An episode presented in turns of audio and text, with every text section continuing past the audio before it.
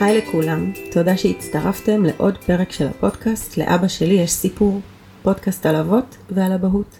אני חני גיטליס, עובדת סוציאלית קלינית, מנחת קבוצות, מתמחה בטיפול בגברים ובאבות. בכל פרק אעסוק כאן בנושאים שמעניינים אבות, ואארח אבא שיספר את הסיפור שלו בגוף ראשון, שלאחר מכן בפרק העוקב אביא את נקודת המבט המקצועית שלי לסוגיה שבה עסקנו.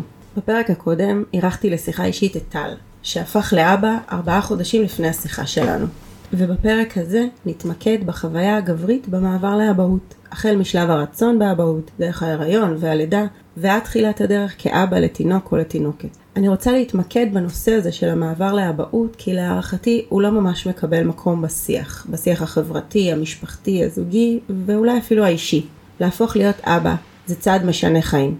זה צעד בלתי הפיך, שהחיים אחריו במובן מסוים לעולם לא יהיו אותו הדבר.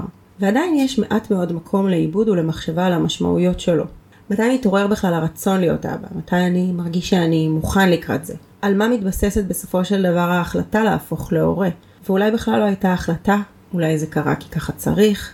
ואיך אתה כאבא חווית את ההיריון, את הלידה? מתי הרגשת אבא? תשעה חודשים של הריון, לידה, ואז תינוק או תינוקת שמצטרפים למשפחה, כל אלה ביחד הם אלה שמעניקים את הסטטוס החדש, אבא. בקליניקה שלי, כשאני פוגשת אבות שמגיעים מסיבות שונות, חשוב לי לתת מקום גם לחוויית המעבר לאבהות, לפעמים גם אם עברו שנים ממנה. יש בה משהו שמעצב את ההורות גם אחר כך, וחשוב להבין אותה. היא בטח חשובה עם אבות טריים, כשהם עדיין בתהליך של הבנה וביסוס המקום שלהם כאבות. אז מה זה אומר עיבוד המעבר לאבהות? למה אני מתכוונת? מבחינה חברתית, אנחנו בשנים האלה בתהליך מתמיד של שינוי במקום של האבהות בחיים של אבות, וגם במקום של האבות בחיים של הילדים שלהם. האבות של היום הם אבות שכילדים חוו לרוב הורות ואבהות אחרת. בתקופה שבה ברוב הבתים האבא היה המפרנס העיקרי שנמצא רוב היום מחוץ לבית, האמא עבדה או לא עבדה, אבל היא הייתה זאת שאחראית על גידול וחינוך הילדים, הייתה חלוקת תפקידים הרבה יותר ברורה, ציפיות שונות מאבא ביחס למעורבות עם הילדים, וגם האופן וסגנון ההורות היו אחרים מהיום, כי אנחנו גם בכלל מדברים על תהליכי שינוי בתפיסה של הגבריות, שזה נושא שאני עוסקת בו הרבה מאוד לאורך כל הפודקאסט הזה. אז יש את ההקשר החברתי, אבל יש גם בכלל את ההקשר האישי של השינוי הזה שמתרחש בחיים של אדם כשהוא הופך לאבא. ונדבר בעצם על כמה תחומים שכן חשוב ככה להתייחס אליהם בתהליך הזה. קודם כל זה המקום של השותפות. מה התפקיד הפעיל, השותפות של הגברים בתהליך. היום גברים ברוב הבתים הם לא עוזרים או מסייעים לאימא, הם בעצם משתייכים למשמעות מלאה של הורות והם מתמודדים ביחד עם האתגרים, עם השינויים ועם כל מה שההורות מביאה איתה. בעצם יש פה התמודדות עם תפקיד חדש. אה, גברים צריכים להתמודד עם השינוי שמתרחש בחיים שלהם, בעצם להכין את עצמם לתפקיד שלהם כאבא. ללמוד את התפקיד הזה, מה הוא אומר, מה הוא אומר עבורם, מה הוא אומר עבור בת הזוג שלהם, מה הוא אומר עבורם כזוג. יש פה התחייבות למשפחה. כשאתה הופך להיות אבא, אתה בעצם מתחייב לתמוך באופן רגשית, פיזית, כלכלית במשפחה שלך. גברים הם חלק, הגברים שותפים לאחריות, הם צריכים להקצות זמן ומשאבים למשפחה, ובעצם התפקיד של האבא הופך להיות חלק מאוד חשוב מהחיים שלהם. כדאי להגיד שאפילו עם השינוי שקורה ככה בתפקידים, בחלוקת התפקידים בין בני הזוג, כן עדיין אפשר לזהות הרבה מאוד אצל גברים, אצל אבות, את הנושא של האחריות הכלכלית למשפחה, כנושא שמעסיק אותם. הגבר עדיין יראה את עצמו כמי שאחראי לנושא הפיננסי בבית, ויכול להרגיש חרדה סביב זה. ולהיות מוטרד ומודאג מהנושא הזה, אם יש איזשהו קושי. זה ככה משהו שמעסיק גברים, ופשוט חשוב לדעת שזה קיים. מבלי עכשיו להגיד אם, אם זה כן תפקידו או לא תפקידו, פשוט לקבל את זה, שזה נושא שקיים, שזה נושא שהוא ככה רואה את עצמו אחראי לו, ואולי לפעמים לא יהיה לו פשוט לדבר על זה, על החוויה הזאת, אבל כדאי להיות ערניים לזה.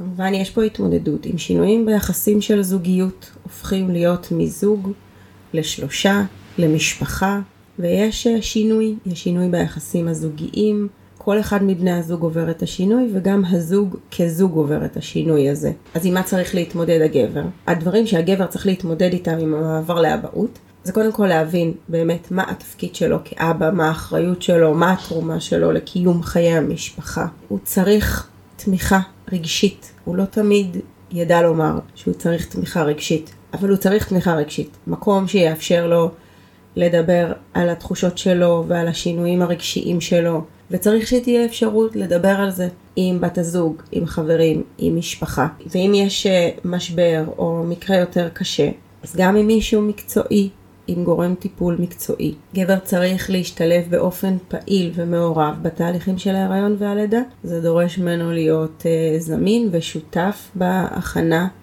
לקראת התינוק או התינוקת שיבואו. הוא צריך להיות uh, מסוגל לסייע גם ברמה הקונקרטית בכל התפקידים של טיפול בתינוק uh, וכל מה שהמשפחה החדשה נדרשת לו. יחד עם זאת הוא גם צריך למצוא את האיזון המחודש בין הקריירה שלו ותחומי העניין שלו לבין התפקיד החדש שלו כאבא ובאמת חשוב שהוא יבין איך להתמודד עם האתגרים שהאבהות מביאה ואיך גם לייצר מעגלי תמיכה מסביב כדי בעצם לבנות לעצמו את היכולת להתמודד עם השלב החדש בחיים. יש כמה דברים שאבות יכולים לעשות כדי לסייע לעצמם בתהליך הזה. קודם כל, אה, באמת להיות שותפים, להשתלב בכל התהליכים, להבין גם ברמת הידע מה הולך לקרות ומה הולך להיות, לקחת חלק פעיל בהכנות אה, השונות שעושים לקראת תינוק. התהליך הזה של ההכנה, אה, הוא עוזר להיכנס אחר כך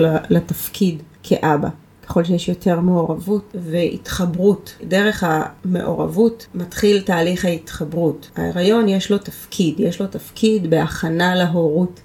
אמנם הוא מתרחש אצל האימא בגוף, אבל לאבא יש אפשרויות לקחת חלק. בין אם זה לקחת חלק בתהליכים של ההיריון, להיות נוכח בבדיקות, יש אפשרות לאבא בבדיקות אולטרסאונד, לראות את התינוק. זה מקומות מאוד מאוד חשובים של חיבור שקורה ויכול להיות שהוא יקרה בשלב יותר מאוחר מבחינתו, כשהבטן כבר תהיה יותר נוכחת, שהתינוק אה, יזוז והוא יוכל להרגיש את התנועות שלו, כשהוא יפגוש אותו באמת בבדיקות האלה, אה, כשאשתו תספר לו, כשבת הזוג תספר לו על התינוק ועל החוויה, ככה לאט לאט זה גם הדרך של האבא להתחבר. אבל גם באמת במקומות הקונקרטיים, אם זה בקניות שעושים לקראת לידה, אם זה בהכנה ללידה, אה, להבין באמת מה החלק שלו, מה התפקיד שלו, איפה הוא יכול לעזור, לתמוך, איפה הוא נדרש בלידה עצמה, מיד אחרי הלידה, במפגש הראשון עם התינוק, באמת ביכולת של האבא להחזיק אותו, לעשות איתו אור לאור, ממש אה, במגע הראשוני, הדברים האלה הם חשובים עבור אבות לא פחות מאשר אימהות, והם דברים שממש ממש מייצרים את החיבור. בכלל, מה שמייצר חיבור בין הורה לילד, זה הטיפול בילד בשלב הראשון.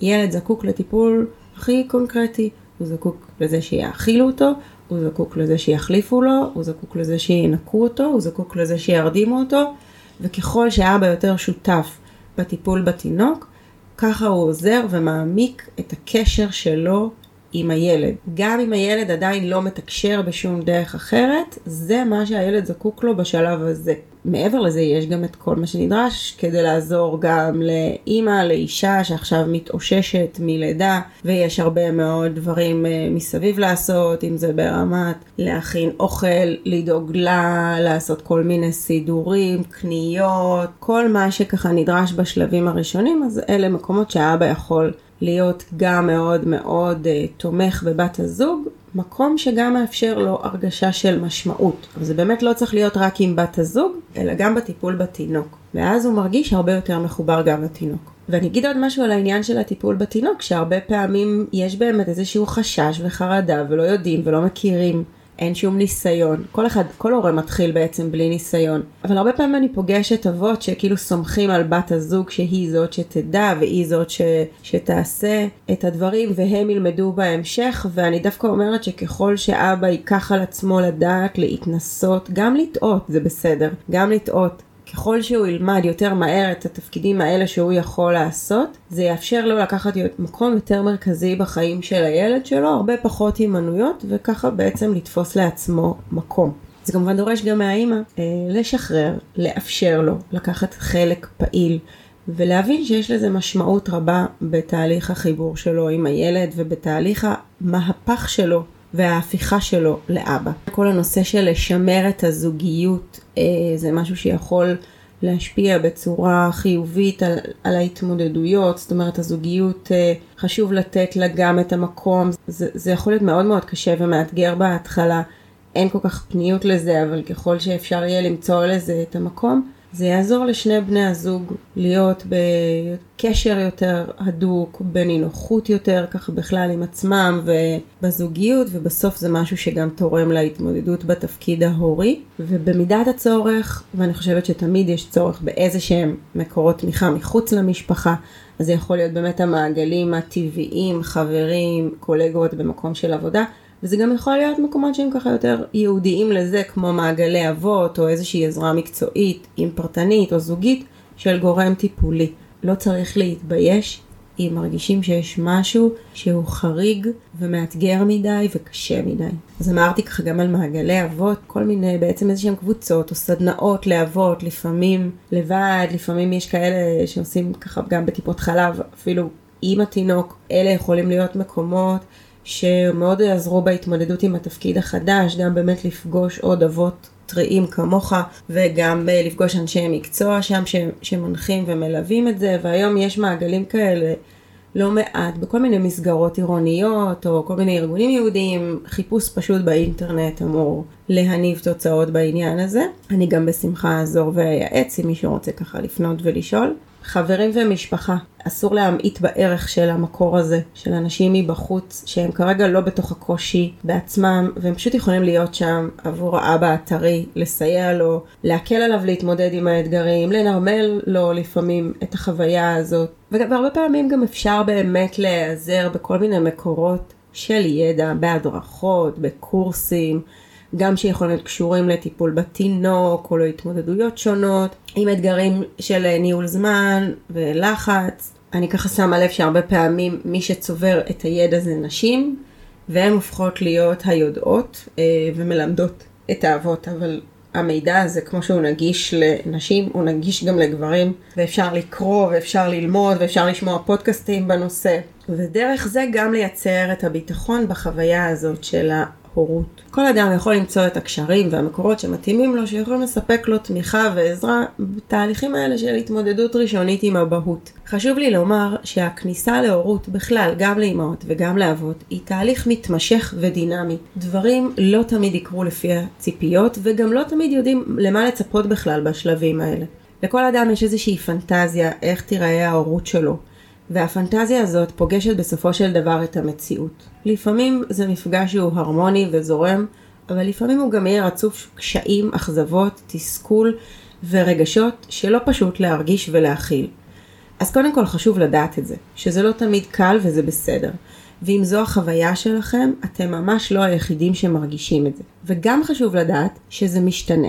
לפעמים זה משתנה באופן טבעי, לפעמים זה משתנה עם עזרה חיצונית. גברים לא תמיד ירגישו באופן טבעי אבא, וזה באמת שינוי גדול בחיים, גם אם מאוד מאוד רוצים אותו, זה שינוי גדול שנדרשת הסתגלות והתאקלמות אליו, בתנאים שהם לא פשוטים, עם עומס הרבה יותר גדול בחיים, עם הרבה פחות שעות שינה, עם השינוי הזוגי שמתרחש באותו הזמן, וזה אומר שנדרשת כאן הרבה מאוד חמלה עצמית והרבה נרמול, ובגלל זה השיח על זה הוא כל כך חשוב. כי אבות יכולים לעבור, לחוות, לספוג כל כך הרבה בלי לשתף אף אחד, או אף אחד מחוץ לזוגיות. ובמצב הזה זה קל מאוד להתחיל להרגיש פשוט לבד בחוויה הזאת, או להרגיש שמשהו לא בסדר אצלי. וככל שיותר תדברו עם אבות אחרים, תגלו שאתם ממש לא לבד בזה, שזה חוויות שמשותפות להרבה אבות טריים, החוויות הטובות, החוויות הקשות, והשיח הזה עוזר, זה משהו ששווה לנסות. אני רוצה לנצל את הפרק הזה כדי להמליץ uh, המלצת קריאה על ספר, שגם ככה הזכרתי בשיחה שלי עם טל, זה ספר שנתתי לו במתנה בתקופת ההיריון. ספר שנקרא הולדת אב של ענת הררי, שיצא לאור בשנת 2021. ובספר הזה ענת הררי, שהיא פסיכולוגית ומטפלת משפחתית, מתארת סדנת כתיבה תהליכית של אבות שכתבו בדיוק על הנושא הזה, זה ספר שמלא בטקסטים אישיים של אבות שפשוט נתנו מקום, חקרו והתבוננו בתהליך המעבר שלהם לאבהות, וגם במחשבות ובמילים של ענת, אה, שהיא אישה שמלווה אותם בתהליך הזה, מנחה אותם, ובעצמה חושבת אותם ועליהם, ואז מפרסמת את הספר הזה, שבעיניי הוא פשוט מתנה נדירה, ספר בעברית שחשוב לכולנו, שאפשר להתחבר דרכו לחוויה של הכניסה לאבהות, וגם לחשוב דרכה על אנשים שקרובים אלינו. ובאמת באופן אישי אני ממש ממליצה לכל אבא טרי או אבא שבדרך לקרוא אותו. אז בספר, בפרק של המפגש הרביעי, האבות כותבים על החוויה שלהם בחופשת הלידה, או בעצם בזמן הזה שבת הזוג נמצאת בחופשת לידה, ואחד האבות אלעד בוחר לכתוב מכתב לחבר שלו, עצה מאבא לאבא טרי, ואני רוצה להקריא לכם את זה לקראת סיום, ככה הוא כותב. קודם כל מזל טוב. עברת את אחד השינויים הגדולים ביותר בחייו של אדם וקיבלת מתנה מיוחדת במינה. כזאת שתעורר בך רגשות שלא ידעת על קיומם. ועכשיו כשסיימנו עם הברכות, הגיע הזמן שתשכח כל מה שאתה יודע על החיים שלך כפי שאתה מכיר אותם. הם נגמרו. לפחות לחודשים הקרובים. התקופה הזאת שאנשים מגדירים בטעות כחופשה היא הנחיתה הקשה ביותר שאפשר לחוות במעבר בין רווקות להורות. ראשית, הדרך הטובה ביותר להתרגל למצב החדש היא להבין שהזמן שלך לא מתקצר משמעותית, הוא פשוט מפסיק להיות שלך. ביום ובלילה אתה לשירותו של הילד ולשירותה של בת הזוג. דבר שני, צא מנקודת הנחה שאתה לא הולך לישון, ככה תאריך כל שעת שינה שתיפול בחלקך במקרה.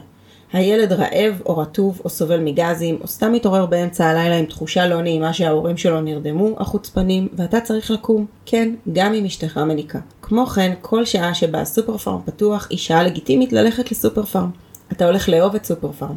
מעבר לאווירה הנעימה והמוצרים המושכים, אלו דקות יקרות שבהן אף אחד לא ידרוש ממך כלום. אבל הדבר החשוב ביותר שעליך להתכונן אליו הוא החרדה. אל תופתע ממנה, אל תתנגד לה. היא שריד אבולוציוני מהימים שבהם חוסר השגחה על התינוק שלך היה יכול להוביל אותו לקיבתו של זאב בלעות. ועובדת מצוין גם כשאתה מתעורר באמצע הלילה ולא שומע את התינוק נושם חזק מספיק. תאהב אותה. היא חלק ממך עכשיו והיא תאפיין את האבהות שלך מעתה ועד עולם. אה, ותשכח מסקס, כן? אז אני אסיים ככה במילים האלה. מאבא לאבא, ואני באמת מזמינה אתכם לתת מקום לחוויה שלכם, לחוויה שלכם כאבות, ואנחנו גם נדבר בפרק עתידי על המעבר לילד שני, עוד שינוי מאוד מאוד גדול במשפחה. ובינתיים אני רוצה להודות לכם שהאזנתם, שהייתם איתי כאן, וניפגש בפרק הבא.